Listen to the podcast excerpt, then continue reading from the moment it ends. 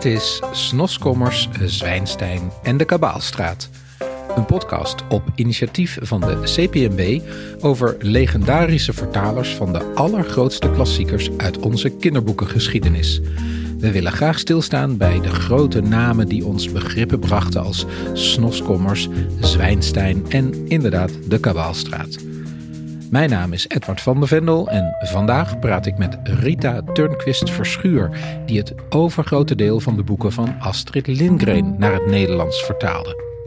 En let op, aan het eind van deze aflevering is er nog een extraatje.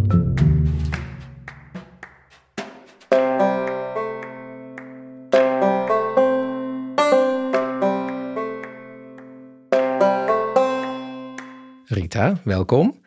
Wat fijn dat we de gast mogen zijn in jouw huis, want daar zijn we nu. Uh, dit gesprek heeft een aanleiding, namelijk het instellen van de Filter Vertaalprijs voor kinder- en jeugdliteratuur. Er was al de Filter Vertaalprijs voor volwassenen. Dit jaar is die voor het eerst uitgereikt, ook uh, in de kinder- en jeugdcategorie. En in het kader daarvan zoeken we drie zeer belangrijke vertalers op die dus ja, iets groots hebben bijgedragen aan de kinder- en jeugdliteratuur. En in deze aflevering willen we jou eren als belangrijke vertaler van een hele reeks boeken die niet meer weg te denken zijn uit ons collectieve culturele geheugen, namelijk het grootste deel van de boeken van Astrid Lindgren, die jij uit het Zweeds vertaalde. Astrid leefde van 1907 tot 2002 werd wereldwijd bekend met de boeken over Pippi Langkous. Die heb jij niet vertaald, die waren al vertaald, maar wel vrijwel alle boeken daarna. En dan heb ik het bijvoorbeeld over de Gebroeders Leeuward, over Ronja de Roversdochter, over Carlson van het Dak, Michiel van de Hazelhoeve en Lotta uit de Kabaalstraat. Maar misschien moeten we eerst vertellen hoe jij de vaste vertaalster van Astrid werd. Ja, dat begon al in 1957. Toen was ik 22 jaar. En ik was in Uppsala op vakantie. Ik studeerde Zweeds in die tijd. En daar zag ik in de etalage van een boekwinkel een boek liggen een kinderboek met een sticker erop. Uh, en je pakt het nu, want het ligt hier voor ons. Prachtig. Het ligt zelfs hiervoor.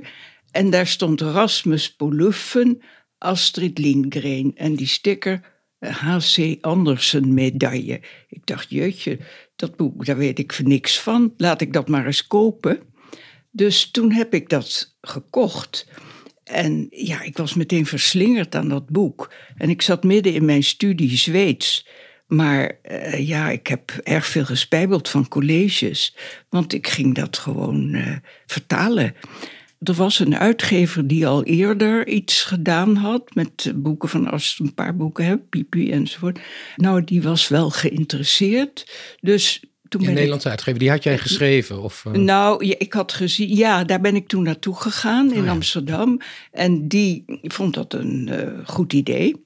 Dus ik heb toen tijdens mijn studie eh, met een geleend schrijfmachientje op een zolderkamer in Amsterdam heb ik Rasmus zitten vertalen. Nou ja, dat was zo verschrikkelijk leuk dat ik onmiddellijk doorging met het volgende boek, Carlson van het Dak. Want dat eh, wilde die uitgever ook wel uitgeven. Was je, was je in de tussentijd niet al ja, in Uppsala gaan wonen? Uh, nou, ik maak nu een erg grote sprong ja. van het ene boek naar het andere. Maar tussendoor zit ook nog een ontmoeting met Astrid. Ja, ik ben toen uh, 59 kreeg ik een studiebeurs en heb ik een tijdje in Uppsala gewoond.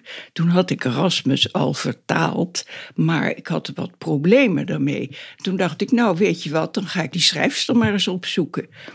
En dat bleek ontzettend fijn te zijn, want die probleempjes die ik had, dat waren dan moeilijke woorden. Ik ga nog maar niet speciaal in detail. Nou, wel interessant is dat volgens mij het eerste moeilijke woord meteen in de eerste zin stond. Oh ja, dat is, dat is inderdaad waar. Ja. Nou, dat, Laten we toch ja, nou even naar dat woord kijken, dat is een mooi verhaal. Dat is een mooi verhaal. Nou, kijk, Rasmus, die zat op zijn lievelingsplekje ergens. Ja, inderdaad, het is ongeveer het vijfde woord. Ja. Wat er, um, Wie in de eerste zin is lezen? In de eerste zin, ja. Uh, Rasmus zat in zijn gebruikelijke, ja, vork. Staat er vork in een boom. Nou, ja, hoe, is dat, hoe is dat in het Zweeds? Uh, Rasmus zat i sin vanliga klyka uppe i linden O tänkte på saker som inte borde få finnas. En hij zat dus in, ja, op een verrukkelijk plekje boven in de lindenboom. En dat noem je vork Ja, in het Nederlands. klika, dat was het woord, hè? Kluka was het woord en dat noem je vork in het Nederlands. Nou ja, ik dacht in Zweden is dat algemeen bekend, want kinderen doen niet anders dan in bomen klimmen. Hè, dus die zitten geregeld in een kluka. Maar ja, Nederlandse kinderen in een vork. Ik dacht, nou goed, ik, ik ga dat maar vragen aan die schrijfster. Dus dat deed ik. Want En even toen- tussendoor, het is, dat is als een, een tak zich splitst in twee Ja, precies. Dat is, Dus precies ja. de, de V-vorm waar je dan in zit. Wij hebben daar geen woord voor. Nou ja, vork. Ja, het vork, heet, maar ja. Het heet vork. Oh, echt? Het, het heet vork, Ja. inderdaad. Maar geen kind weet dat. Nee, precies. En die denken dan aan, aan een een of andere hooivork of zo. Nou ja, dat is het natuurlijk werkelijk niet. Nee. Dus ik viel werkelijk met de deur in huis bij die schrijfster. Ze werkte bij een uitgeverij als redacteur. Dus ik ontmoette haar, ja... eh, ja, ik heb zulke problemen hè, met, de- met die eerste zin. Wat, wat moet ik daar nou mee? Nou, en toen hadden we even gepraat en ze merkte dat mijn Zweeds toch heel behoorlijk was. Dus toen kwam er al enigszins iets van vertrouwen in haar. En toen zei ze, weet je wat je moet doen? Wat zou jij daar nou neerzetten eh, hè, als jij mocht kiezen, zal ik maar zeggen? Toen zei ik, nou, dan zou ik bijvoorbeeld zeggen... Rasmus die zat op zijn, in zijn vertrouwde plekje daarboven in de lindenboom. Dan ga je dat doen, zei ze. En dit soort problemen, die los je op die manier op. En je krijgt van mij die vrijheid, hè, want het gaat om de kinderen. Als die er maar van kunnen genieten, dat vind ik veel belangrijker dan dat jij je helemaal braaf aan de tekst houdt. Weet je wat bijzonder is, Rita? Je, je was toen zelf nog geen schrijver. Dat werd je later ook nog een verhaal. Komen Ja. we straks misschien nog op. Maar zij sprak jou dus aan, een Ja. beetje als schrijver. Nou, ik denk dat ze mij een beetje zat te observeren. Kijk, ze had natuurlijk wel wat ervaring. En we hadden wel een paar zinnetjes gewisseld van tevoren. Maar wat ik me herinner is dat ik nogal met de deur in huis viel. Maar dus toen had ze al wel het idee, nou, dat kind eh, die heeft nog wel een enige creatieve... Dus daar kan ik dat wel aan overlaten. Ze voelde iets van vertrouwen. En dat was voor mij natuurlijk zo ontzettend fijn. Dus toen ben ik, inderdaad, heb ik behoorlijk wat vrijheden genomen. En dat was in die tijd hoe dan ook, want dat weet ik ook van de uitgever. Die eh, wilde liever, eh, hè, als het maar eh, lekker toegankelijk was en voor de kinderen. En of dat nou precies weergegeven werd wat in de tekst stond, vond hij helemaal niet belangrijk. Hij ging zelfs wel eens zelf dingen veranderen. Dat ik dacht, nou sorry, dit gaat mij te ver. Hè? Dus dat waren die tijden. Maar ik ben toen, toen Rasmus af was en ik met Carlson begon, toen was het Hek van de Dam. Want dat was natuurlijk zo'n feest om dat boek te vertalen. Carlson is eigenlijk eh, misschien het grappigste boek wat Astrid ooit schreef. Ja, dat is het zeker. Met twee delen. Drie, drie delen? Drie delen Ja, zelfs. ja. Ja, het derde deel kwam veel later. Ja, over een klein, eh, eigenlijk het hoofdpersoon is een gewoon jongetje, zullen we maar zeggen. Maar er woont een dik mannetje een eindje verderop op het dak. En die komt af en toe naar binnen vliegen door, eh, door het Ja. dakraam, zoiets. Hè? Ja, Als ik nu zeg dat is een van de grappigste, dat is ook echt zo. Ik hou heel erg van het werk van Astrid. En ik heb als toen ik nog meester was, dat boek, met name dit boek, veel voorgelezen. En Ja. heel vaak meegemaakt dat kinderen zo ontzettend hard moesten lachen om bepaalde stukken uit het boek. Maar ik weet wel dat dat allemaal te maken heeft met timing.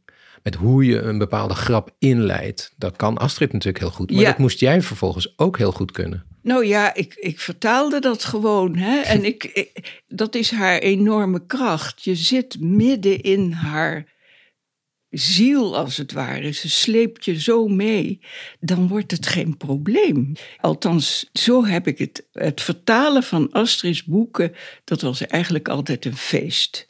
Haar taal is zo ongelooflijk eh, toegankelijk en mooi en ritmisch en fijn. Ik deed ook alles hardop.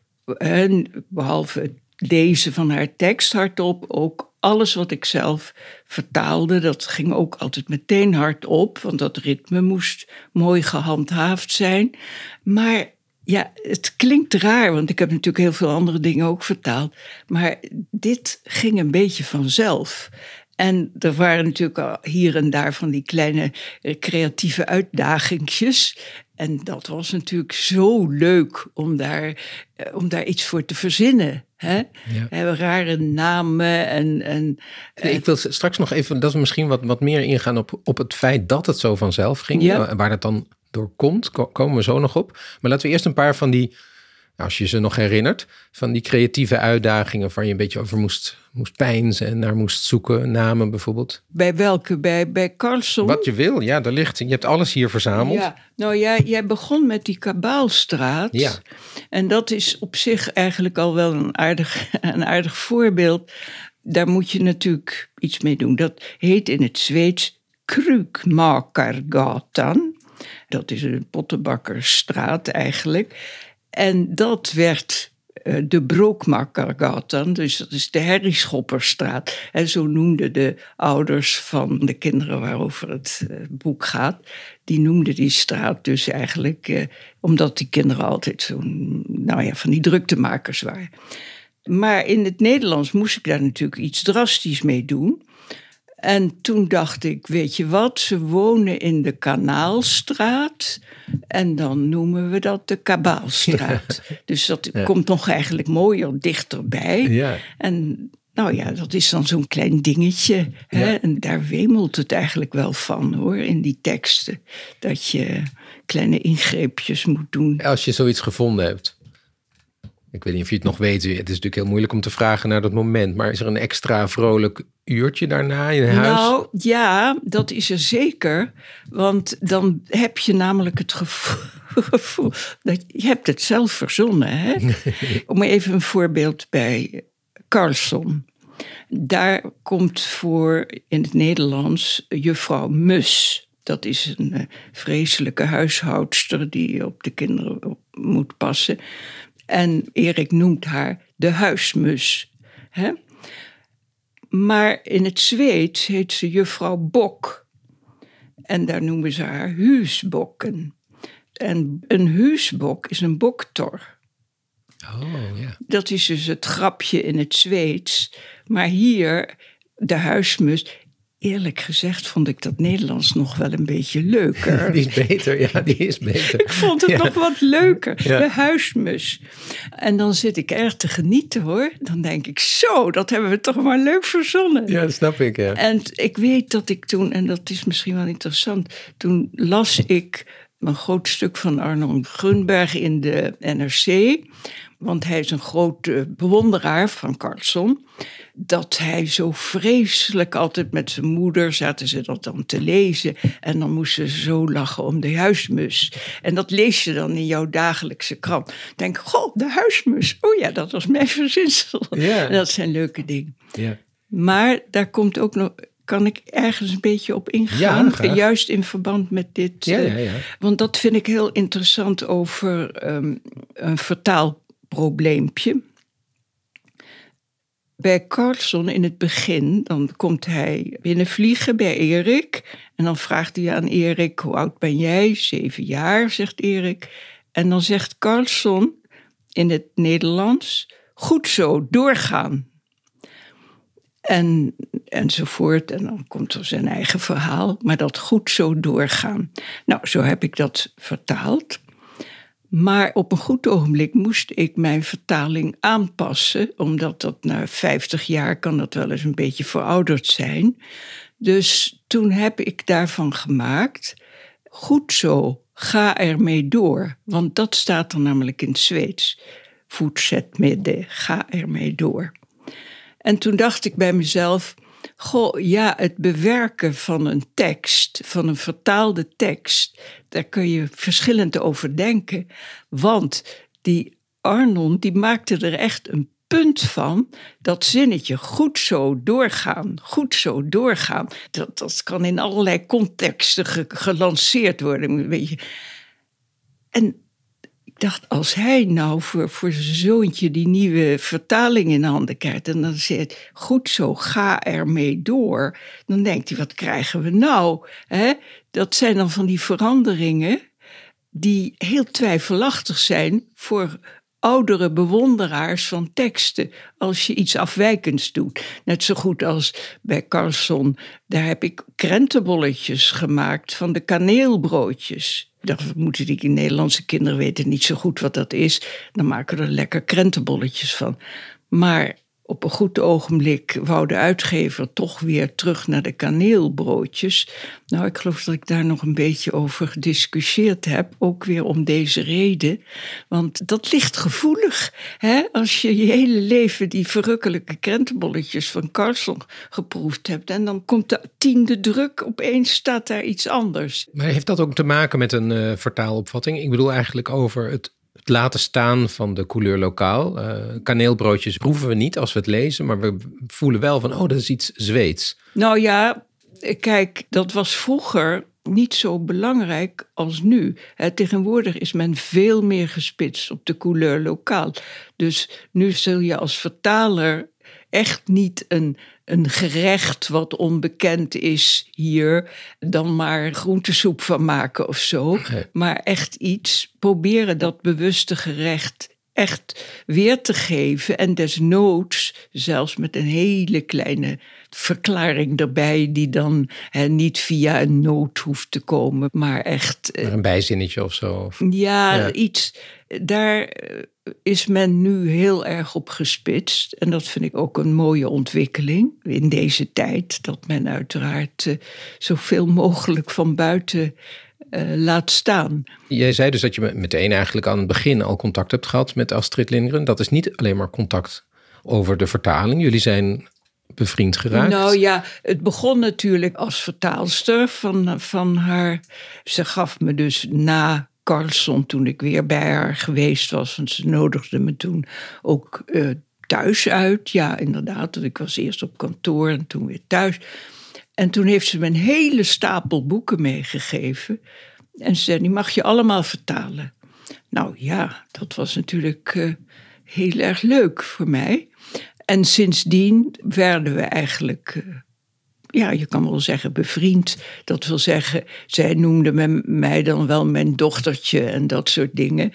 En allemaal koosnaampjes had ze voor mij. En ik bewonderde haar natuurlijk enorm. Je hebt, je hebt een boek geschreven over, eh, over je contact met, met Astrid. Dat heet Astrid Lindgren, een herinnering. Ja. In 2002 uitgekomen, in het sterfjaar eigenlijk. Van, ja. Uh, daar schrijf je ook wel in je zegt bijvoorbeeld al, al vrij snel in het boek, ze was niet bepaald makkelijk te, te doorgronden. Nee, maar dat, eh, dat, eh, dat is zo. He, er blijven natuurlijk flinke vraagtekens over. Dat geldt in wezen voor ieder mens, denk ik, toch? Nou, ja, maar je, je schrijft wel ook duidelijk dat je van tijd tot tijd misschien nog wel wat meer contact zocht dan zij kon geven. Soms schrijft ze opeens iets, want jullie schreven ook brieven naar elkaar, eh, wat je niet helemaal nou ja, waar, je een beetje teleurgesteld in bent. Dan weer kreeg je heel veel liefst van haar. Ja, nou ja, dit wordt dan weer een verhaal apart. Maar er is inderdaad een keer iets gebeurd. Toen had ik mijn eerste eigen kinderboek geschreven. Maar dat, eh, ja, toen was ik al heel lang. Uh, ik had eigenlijk al haar boeken zo'n beetje vertaald. Tot en met Leeuwenhard had ik vertaald. En toen kwam opeens mijn eigen eerste kinderboek. En dat heb ik meteen aan haar geschreven, dat dat was aangenomen. En toen antwoordde ze niet. Tenminste, ik kreeg geen antwoord. En dat vond ik heel jammer. Want anders, ja, we hadden toch een vrij regelmatige briefwisseling. En toen heb ik haar na een tijdje een, eh, brief geschreven waarin ik zei: Goh, wat raar dat je. Hè, want ze stuurde alleen een kerstkaart. Ik dacht, nou, wat is dit nu? En toen was ik dus echt, echt teleurgesteld in haar. Ik noemde haar zelfs Astrid Carlson, hè, want Carlson was een ontzettende egoïst. En, uh, of ik weet niet of dat in die brief stond hoor. Weet ik niet. Nee, ik, ik weet niet. Nou ja, maar in ieder geval zo'n zo soort gevoel had ik bij haar. Ja. En toen kreeg ik onmiddellijk een lange brief terug van haar. Echt een hele aandoenlijke brief. En toen zei ze: Ja, ik was van overtuigd dat ik je geschreven heb. Maar wat mij af en toe overkomt, dan loop ik door het bos en dan loop ik brieven uit te denken. Of s'nachts in bed doe ik dat ook. En dan denk ik soms dat ik ze al geschreven heb. En dat moet hier het geval zijn geweest. Nou ja, en toen weer in diezelfde brief bleek dat dit net de zomer was waarin zij uh, toestanden had gehad met de belasting. ze moest meer belasting betalen dan ze überhaupt bezat, 102 procent. En toen heeft ze zich bemoeid met de belastingpolitiek in Zweden. En ja, dat is een groot iets geweest. Hè? Een heel groot iets geweest. Dus daar kan ik ook heel veel over vertellen. Nou, de, de, socialistische regering toen, die, was, nou ja, die ging, ging wat ver in het ja, en die, ze heeft in ieder geval voor gezorgd dat die regering toen is gevallen. Ja, ja want zoveel invloed had zij. Zoveel invloed had zij, hoewel ze haar aanvankelijk helemaal niet serieus namen. Eh, ze dacht, nou ja, ze heeft van zat een een of ander raar verhaal geschreven over hè, een oud vrouwtje dat te veel belasting moest betalen en die ging de kas van de, van de ja, een soort metaforisch sprookje had. Metaforisch sprookje. Ja, in de, in de krant was dat gepubliceerd. Ja, ja nou ja, goed. Dat, nou ja, maar goed. uiteindelijk is zij geloof ik in gesprek gegaan met de minister die verantwoordelijk was. Ja, ja, ja. En toen ze, ze ging...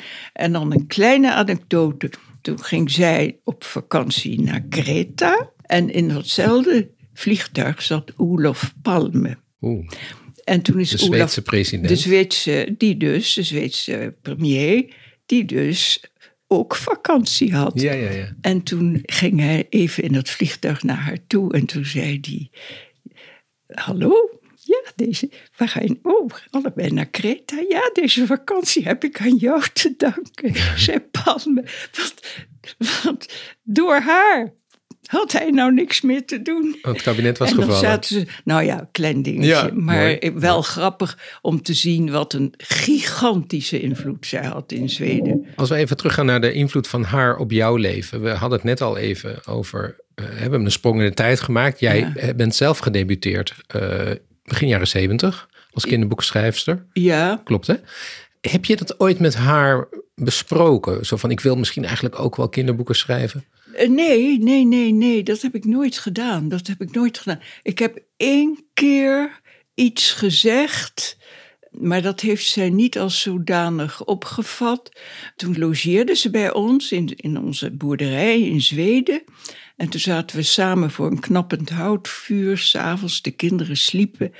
En ik deed niets anders dan vertalen, vertalen, moeilijke romans en van het een en het ander. En haar boeken waren toen zo'n beetje op. Dit was na Leeuwenhard. En toen zei ik zoiets van, ja, nou, ik begin er wel een beetje genoeg van te krijgen hoor. Nu jij ook alweer geen boeken meer hebt. En nu weer die moeilijke Lars Gustafsson. Ik begin me af te vragen wie ik zelf eigenlijk ben. Dat zei ik toen. En toen zei ze: Jij moet mij trouw blijven, jij moet mij trouw blijven. Dat was haar antwoord. En dat vond ik niet zo'n erg leuk antwoord. Nee. Maar het was Ze bedoelde, je moet niet zelf dingen gaan doen, je moet nee. vertaalster blijven. En ik had natuurlijk in mijn achterhoofd dat idee van: Nou, uh, misschien zegt ze dan: Kind, jij moet zelf ook eens wat gaan proeven Maar nee. nee. nee. maar dat begrijp ik ook wel. Zoiets moet uit jezelf komen. Anders is het niet echt. Nee. Dus ik, ik denk, ik weet het niet hoor. Misschien was het te cryptisch wat ik zei. Dat zou heel goed. Want ze gunt het me natuurlijk van ganse harte. Waarom zou ze niet? En bovendien, er lagen toch geen boeken meer van haar. Dus zij moest doorschrijven. Kijk, als zij altijd was blijven schrijven, ook dus na Leeuwenhard. Hè, toen was en de gebroeders Leeuward was uh, halve... 74. 74, ja. Nou ja, dat, toen was het merendeel van haar oeuvre had ze gewoon uh, hè, voltooid en was door mij vertaald. Ik denk dat ik dan, als zij gewoon maar eindeloos door was gegaan met dit soort boeken schrijven, dan was ik nooit schrijver geworden hoor. Nee. Want ik vond het zo heerlijk om haar werk te vertalen tussen die moeilijke romans door. Het was altijd een, ja, je kon helemaal weer tot jezelf komen. Ik, ik was altijd goed gehumeurd. Mijn hele familie merkte het aan mij. Oh, mama is weer Astrid aan het vertalen. Nou, dat is heel wat leuker dan wanneer ze met Strienberg in de weer is. Weet je, zo. Dus ik denk dat ik dan, nou ja, kunnen niks voorspellen. Bovendien, ze was ouder dan ik. En toen heb ik natuurlijk toch nog op een goed ogenblik Ronja vertaald. Maar toen zat ik midden in mijn eigen werk al. Ja, want dat is ongeveer uh, 1980, hè? Ja. En dat is eigenlijk haar laatste boek, haar laatste ja, grote dat is haar boek. laatste ja. boek. Ja, en dat ging als volgt, want toen had ik al een stuk of vijf, zes boeken geschreven. En ik zat inderdaad ergens middenin. En toen stuurde Astrid mij dat manuscript. En met heel veel vraagtekens erbij van kind. Ik vind het eigenlijk vreselijk om dit aan jou nu te vragen. Want ik weet dat je midden in je eigen werk zit. Maar ik zou het zo ontzettend fijn vinden als je dit toch wou vertalen. En dat was heet van de schrijfmachine, kwam dat manuscript. En toen ik dat ging vertalen toen merkte ik, de stijl was toch wat anders. Het, het was wat langdradiger, er waren hier en daar herhalingen. Ik dacht, goh, Astrid is oud aan het worden, dacht ik. Toen heb ik stiekem af en toe een zin een beetje samengetrokken en iets zelfs uh, geschrapt. Maar goed, dat was dat manuscript. En, dus ik heb die vertaling gewoon ingeleverd. En in die tijd kreeg je ook geen drukproeven of zo. Niemand, bij een uitgever gingen ze er ook nog vaak in rommelen. Dus toen op een goed moment verscheen het in het Zweeds en in het Nederlands tegelijk. En toen ontdekte ik iets heel wonderlijks. Dat die dingen die ik gedaan had in het Nederlands. hé, hey, die Zweedse tekst, die was ook een beetje. Dus Astrid was er zelf waarschijnlijk ook nog doorheen gegaan. Want nu klopt het precies. Want die was ook opgeschoond. De, de Ja, te was lange zinnen waren ja. korter gemaakt. Dus ja. ik denk dat zij het iets te heet van de naald, hup, hup, hup, meteen had opgestuurd. En daarna er ook nog wat aan gedaan heeft. Of bij de uitgeverij, dat weten we niet. En bij mijn uitgeverij ook nog wat. Maar in ieder geval, het grappige was dat ik dacht, dit is toch wel heel leuk. Maar het allerstomste van mij, ik heb mijn oude manuscript en haar oude manuscript weggegooid. Rita. Nou Je ja. wist toch dat deze podcast zou komen? Ja, je- nee, maar Nee, kijk, dit, dit is natuurlijk zoiets Natuurlijk, ja. oerstoms. Ik dacht, nou, dan kan dat allemaal weg. Mooi, we hebben nu twee mooie boeken. Oké. Ja. Maar eh, het feit dat haar eh, wijzigingen in haar eigen tekst leken op de wijzigingen die jij in haar tekst, zonder dat ze dat gelezen had, want ze kan geen. Nederlands lezen. Dat zegt toch dat jullie qua schrijverschap ook dicht bij elkaar Ja, maar lagen? dat is ook zo. Dat- Ja. Ik denk, het was natuurlijk niet voor niets dat het me allemaal zo enorm aansprak. Ik heb hoe dan ook, ook natuurlijk veel van haar geleerd, maar ik weet niet wat hoor. Maar nee, er is natuurlijk wel een soort, eh, ja, een groot woord, zielsverwantschap. Ik durf ik eigenlijk niet te gebruiken, maar, maar je begrijpt wel wat ik bedoel. Maar je zegt nu, ik heb veel van haar geleerd, maar eigenlijk voelde je dat meteen bij het eerste boek Ik al. denk dat zij dat ook al meteen voelde bij de Ja. eerste ontmoeting. Ja. dat er iets was zo van, eh, en, nou ja, Als we dat toch nog proberen een beetje meer woorden aan te geven, waar zit hem dat dan in? Heeft dat met helderheid te maken, met vrolijkheid? kijk, als je praat en je associeert en je hebt wel eens um, gedachtensprongetjes, hè, je drukt je op een bepaalde manier uit, je hebt een soort, ja, ik wil daar zelf niet te veel over zeggen, maar ik, ik denk, ja, soms, soms heb je dat toch, dat je dan iemand ontmoet waarvan je denkt, goh, hè, ja, ik vind dit eh, eigenlijk niet aan mij om hier iets over Nee, te zeggen. nee. Hè? Nee, maar denk je, ehm, nou laten we het anders zeggen. Als je zegt, je bent gaan schrijven, je hebt vrij veel geschreven. In je boek beschrijf je een moment dat Astrid voor een boek een zilveren griffel kreeg. Ja, Dat kan zij niet ophalen, want ze had geen Ja. tijd om naar Nederland te komen. Jij haalt voor haar de prijs op. Eh, die wordt uitgereikt door Ed van Tijn, destijds burgemeester Oh, goed, van ja, Amsterdam. Ja, ja, ja, ja. En die is vol ontzag naar jou. Ja, Alsof hij tegenover Astrid Ja. Lindgren staat. ja, ja, ja.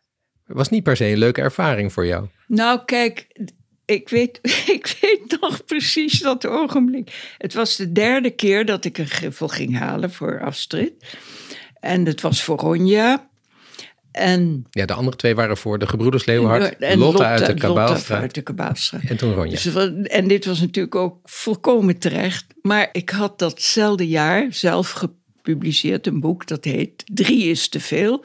En dat vond ik eigenlijk ook wel een goed boek. En dat uh, heel kinderen waardeerden dat enorm. En de kinderjury had een prijs. Maar dacht ik, goh, nou ja, toch een beetje jammer. En dat was natuurlijk een beetje een woordspeling. Hè? Laten we even, wel een grapje natuurlijk. Want ik gun Astrid alles. En het was natuurlijk volkomen terecht dat dat boek van haar bekroond werd. En Ed van Tijn, die wist hij veel. Hij dacht dat dat Astrid Lindgren was die dat kwam halen. Oh, hij dacht het werkelijk? Ja, hij wist niet wie ik was. Dus nee, prima. En in het boek zeg je dan dat je dan denkt op dat moment... ja, drie is echt te veel. En toen dacht ik, drie uh, drie is te veel. Ja. Dus dat, dat was natuurlijk, ja, als die titel niet hè, zo nee, dat toepasselijk ik, was. Dus dat was eigenlijk ook meer een beetje een grapje. Maar uh, ja, terecht dat je op een goed ogenblik wel eens zoiets denkt. Nou ja, ik kan me dat heel goed voorstellen. Dat je denkt, je bent ook zelf aan het schrijven. Je, je hebt een boek geschreven waar je veel harde, harde werk in hebt gelegd. En dan, uh, ja nou ja, dan word je voornamelijk geroemd om eh, het zijn van iemand anders die je niet bent op dat moment. Ja, precies. Maar kijk, Astrid is natuurlijk een beetje verheven boven alles. Hè? Ik bedoel, dat uh, als je met Zweedse schrijvers over haar praat, dan nou, ik weet nog, ik had een interview met Ulf Stark. En, uh, groot, een belang, groot. Belangrijke, Heel belangrijke Zweedse schrijver. En die zei op een goed ogenblik: Ja, kijk, wij andere schrijvers dat is allemaal mooi en goed en wel.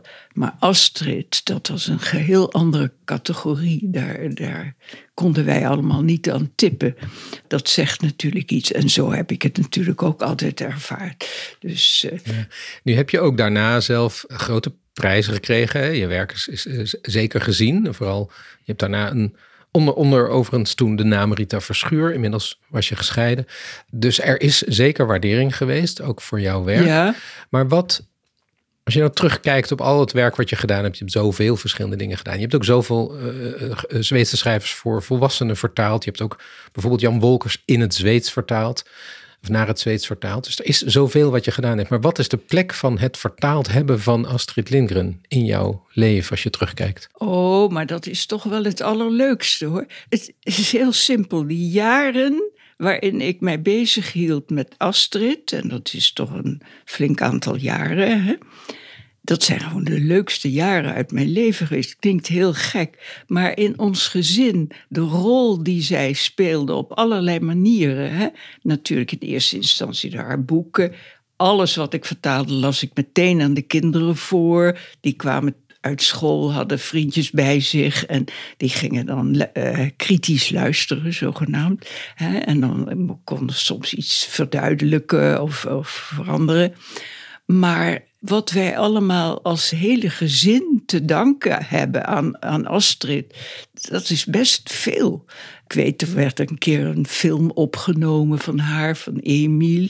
En we waren net bij haar op bezoek geweest. En toen zei ze: Goh, ga er eens langs. Dan kunnen jullie zien hoe ze dat doen, die filmopnames maken. Nou, dat deden wij. En toen reden we daar naar Smoorland. En uh, iemand kwam daar op ons af. Terwijl wij stonden met z'n vijven, hè, mijn man en ik en de drie kleine kinderen. En die zei: Hé, hey, we zoeken figuranten. Kunnen jullie niet morgen de hele dag figureren? Ja, natuurlijk. Dus daar is de hele familie Turnquist bij het uh, als, als Emiel um, naar de dokter moet met die soepterrien op zijn hoofd. He, wij dus ook allemaal naar de dokter. Nou ja, dat soort dingetjes. Dat, eh, het was altijd iets feestelijks rondom Astrid. Of ze kwam bij ons logeren en dan had ze de meest verrukkelijke zakken met chocolaatjes en snoepjes voor de kinderen op Schiphol gekocht. Echt van het snoep wat ze nooit bij ons mochten eten. En dan drie zakken snoep van Astrid gekregen. Nou ja, als ze binnenkwam was het alweer feest. Want ze, praat gewoon ook zo leuk. Ze kan niet. Ze, ik, ik ga nu een tegenwoordige tijd praten. Hè? Dat zegt al iets. Zegt maar alles, ja. eh, ze kan geen banale taal uitslaan. Ik bedoel, ieder zinnetje wat ze zegt is een beetje speciaal. Een beetje anders. En op een grappige toon. Ze ziet overal de humor van in. Nou ja, dus het is gewoon een uitermate inspirerend persoon. Waar eh, ja, wij allemaal eh, tegenop kijken. Ja. Ook voor jouw dochter Marit heeft zij natuurlijk veel Ja. betekend. Er is Ja. ook een vriendschap uit voortgekomen. We Ja. kennen, we kennen Marit als, als, als groot tekenaar en schrijver. Ja. Nu in het Nederlands en ook in het Zweeds. Ehm, ik las ook in je boek over wat jij zelf de kroon op je vertaalwerk noemt. En dat heeft dan weer met junibakken te maken. Oh, nou ja, dat is op zich, ja, dat is heel symbolisch hoor. Ja, Eh, maar kan je vertellen wat junibakken is en hoe dat... dat is een verhalenhuis in Stockholm. Dat Marit heeft mogen opbouwen rond boeken van Astrid Lindgren.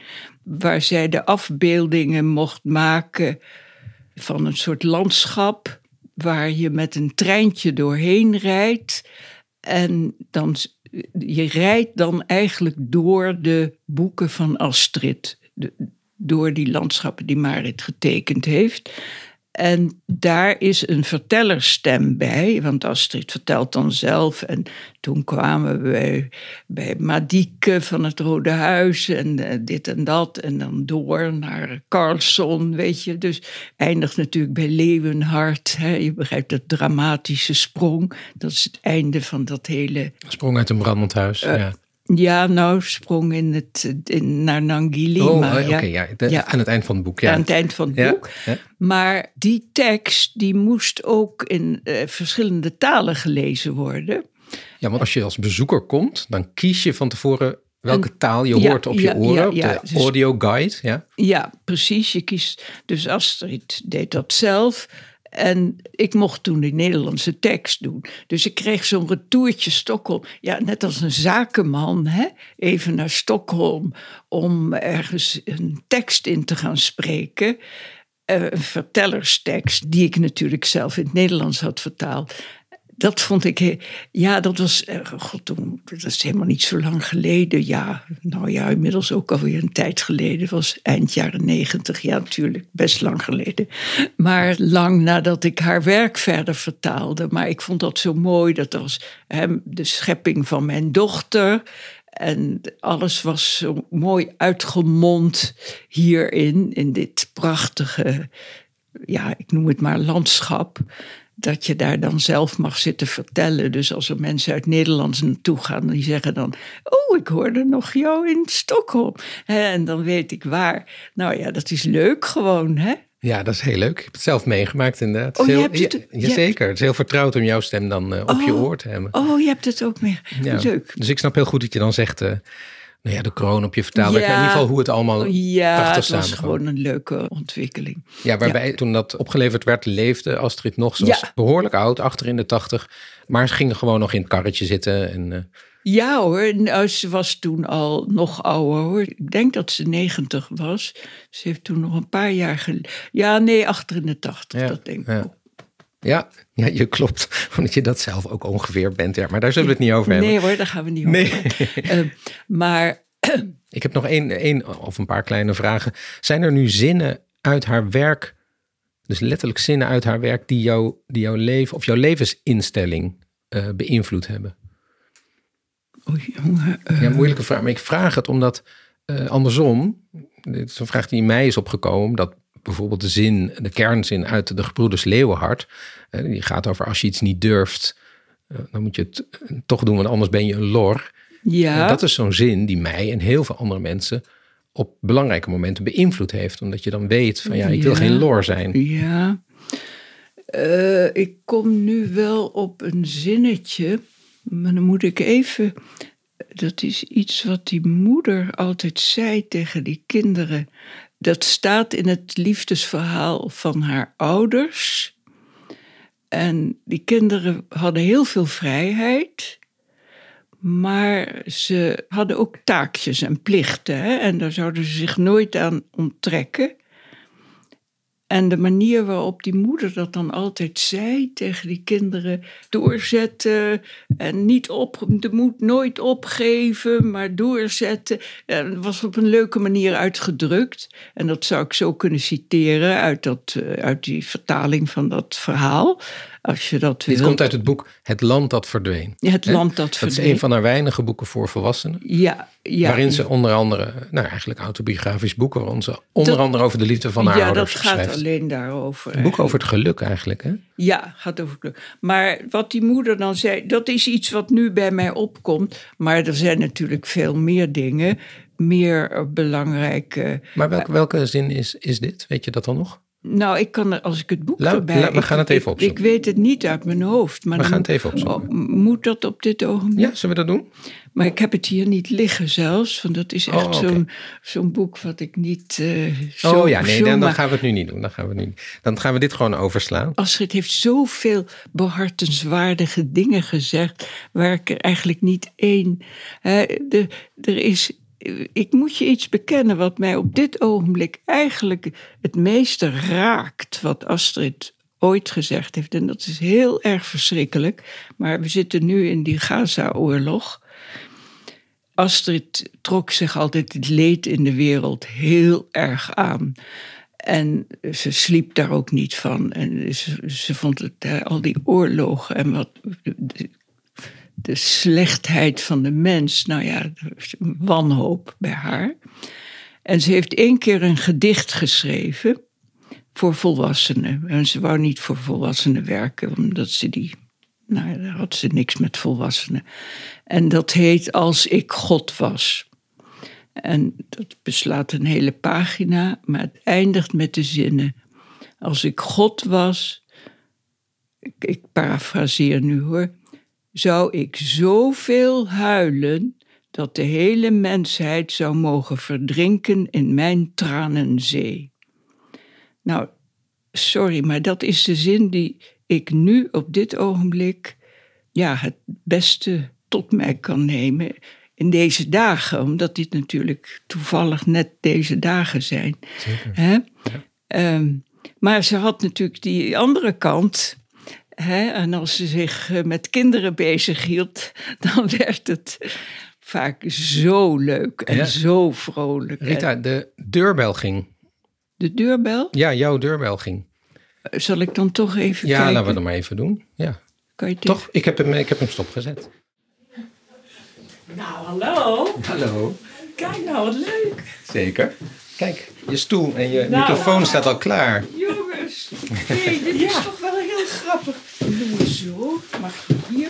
En dan ga ik deze. Ja. Nou, Edward. Want ja, dit wist wist ik natuurlijk. Dit? Kon Ja, jij dit Kom vermoeden? eerst even zitten, dan kunnen we het goed opnemen. Kon, kon jij dit vermoeden? Dit kon ik vermoeden, want dit hoort erbij, eh, Rita. Oh, dit hoort erbij. Snootman. Ja, aangeschoven is eh Evelien aan de kerk van de CPNB. En die is hier eh, met een missie. En eh, er is ook een hele grote bos bloemen. Maar Evelien, Ja. Wat leuk. Ja. Oh, dan Nu snap je waarom er twee microfoons staan.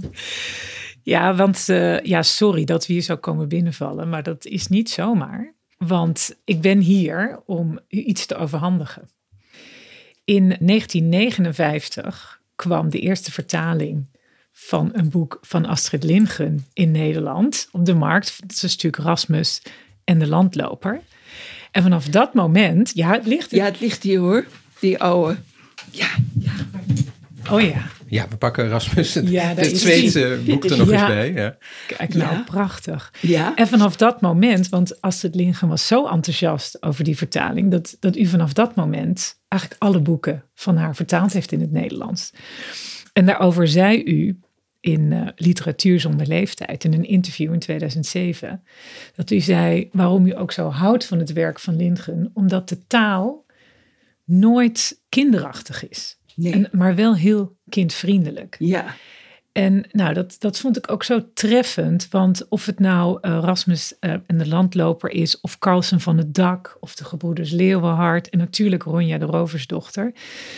Die boeken zijn zo heerlijk om te lezen voor kinderen, maar ook voor volwassenen. En ook zo heerlijk om voor te lezen. Ook vanwege de vertaling en de vondsten En ik heb twee vertaalfavorieten. Die wil ik toch ook even noemen. Ja? En dat is het prachtige woord tiriteren. Irriteren, ja, leuk. Voor de luisteraars die Ja. niet hè, eh, treiteren en irriteren, de combinatie daarvan. Ja. Ik vind het briljant. En de Kabaalstraat vind ik ook zo'n prachtig, Ja, prachtig woord. ja. Ja, dus vanwege die prachtige vertalingen van u, van het werk van Astrid Lindgren ehm, en de bijdrage die u hiermee leverde aan de Nederlandse taal, is het een eer dat ik u namens de CPNB de allereerste erepenning mag geven Nou, voor vertaler kind- en jeugdliteratuur. Nou. en die ga ik nu uit deze dit tas is halen. werkelijk een... Ja, die had u niet aanzien komen. Dit is nou werkelijk iets... Het is, ehm, dit is hem. Nou, wat Enige echte Wat vertaalpenning. Ik, ben Ik kan hem opspelden. Zal ik het doen? Echt voor de- voor mij, hè? Want wij doen altijd... Voor altijd. Mijn, dan koop ik zo'n jasje met een mooie revers. Oh nee, maar dit is fantastisch. Oh, wat mooi. Nou, met heel veel plezier Oh, nou. bedacht. Samen Oh. met Edward bedacht en met heel veel plezier gegeven. Oh, wat leuk. En deze hoort erbij. Als u niet elke dag de penning op wil spelden, kan deze gewoon. Oh, nou, dit is Oorkonde. Een fantastisch. oorkonde, ja. Oh, dit gaan we dus hier in deze kamer ophangen. Hè? Dit is echt de kamer van de... nou ja, Van de boeken en de prijzen. Ja, ja, en ook het verleden. En mijn, Ja. eh, eh, eh, laten we zeggen, een beetje de inspiratiekamer is dit. Hè, want, eh, Dus de juiste nou, plek om, om dit te ontzettend doen. hartelijk bedankt. Ik vind Nou, dit... u bedankt. En we hebben, en mijn collega Thea Otte staat hier nog met een prachtige bos bloemen. Oh, nou zeg, dat is me ook wat. Jeetje, wat een mooi boek. Er- er waren een aantal buurvrouwen en die waren al helemaal jaloers dat we met deze. Dus je krijgt er ongetwijfeld vragen over. Jeetje, wat een mooi boeket. Geweldig. Misschien kan je het even nog ergens neerleggen of zo. Ja, oh, dat is mooi. Dat is perfect. Ga ook even zitten voor- de gezelligheid. Rita, ik- Rita, om dit af te sluiten, eh, de podcast af te sluiten, het feest niet, want wij gaan zo nog Ja, een beetje maar- feesten. Ehm, Jij zei net, eh, het vertalen van Astrid Lindgren heeft een, eh, vooral vrolijkheid in mijn leven gebracht. Dat waren de mooiste jaren van, Ja, van jouw leven. Ik denk dat dat voor dat het lezen van het werk van Astrid Lindgren heel veel mooie uren en jaren voor veel anderen heeft, heeft gegeven. ja, Ehm, de eerste erepenning, ja. ja, ja, ik moet toch een beetje vragen hoe, hoe dat nu voelt. Dat je mooie Ja, en je vrolijke ja. jaren bekroond zijn. Nou ja, ik vind dit echt duizelingwekkend. ja, eh, ja. eh, eh, ja, wat moet je nou, daar nou van zeggen? Ja, al die fantastische jaren die Astrid mij gegeven. Ja, ik vind het gewoon wel erg. Wat Astrid moest hierbij zijn natuurlijk, hè? Dat, eh, maar eh, ja, de bekroning van al die jaren, of bevestiging, ja, het was geweldig. Het is echt heel erg fijn. Dat, eh, Het is je heel, heel erg van harte gegund. Dank je wel voor al die, al die taal die je ons geleverd hebt. nou ja, en zo is er over, eigenlijk over al die boeken, kan, kan ik van alles vertellen. Maar nou, we hebben al heel wat. Je hebt al heel wat verteld. ja, maar oh, ik had hele andere dingen nog willen Oh ja, ja, ja. ja, ja. Maar dat Maar- kunnen we ook doen zonder dit. Nou, dat gaan we zeker doen. Ik sluit deze even af en dan eh, gaan we het ook nog een beetje vieren. Ja. Dit was Snoskommers, Zwijnstein en de Kabaalstraat. Een podcast op initiatief van de CPNB over legendarische vertalers van de allergrootste klassiekers uit onze kinderboekengeschiedenis. Met in deze aflevering te gast Rita Turnquist Verschuur. De montage van deze aflevering werd gedaan door Ignaas Schoot en mijn naam is Edward van de Vendel. De erepenning die Eveline Aandekerk, directeur van de CPNB, uitreikte, werd mogelijk gemaakt door een subsidie van het Nederlands Letterenfonds. De boeken van Astrid Lindgren werden grotendeels uitgebracht door uitgeverij Ploegsma. Luister ook naar onze aflevering over Huberte Vriesendorp, de vertaalster van de boeken van Roald Dahl. En naar onze bonusaflevering, die gaat over het werk van Wiebe Budding, vertaler van de Harry Potter-serie van J.K. Rowling. Dank u wel voor het luisteren en hulde aan de vertaallegendes.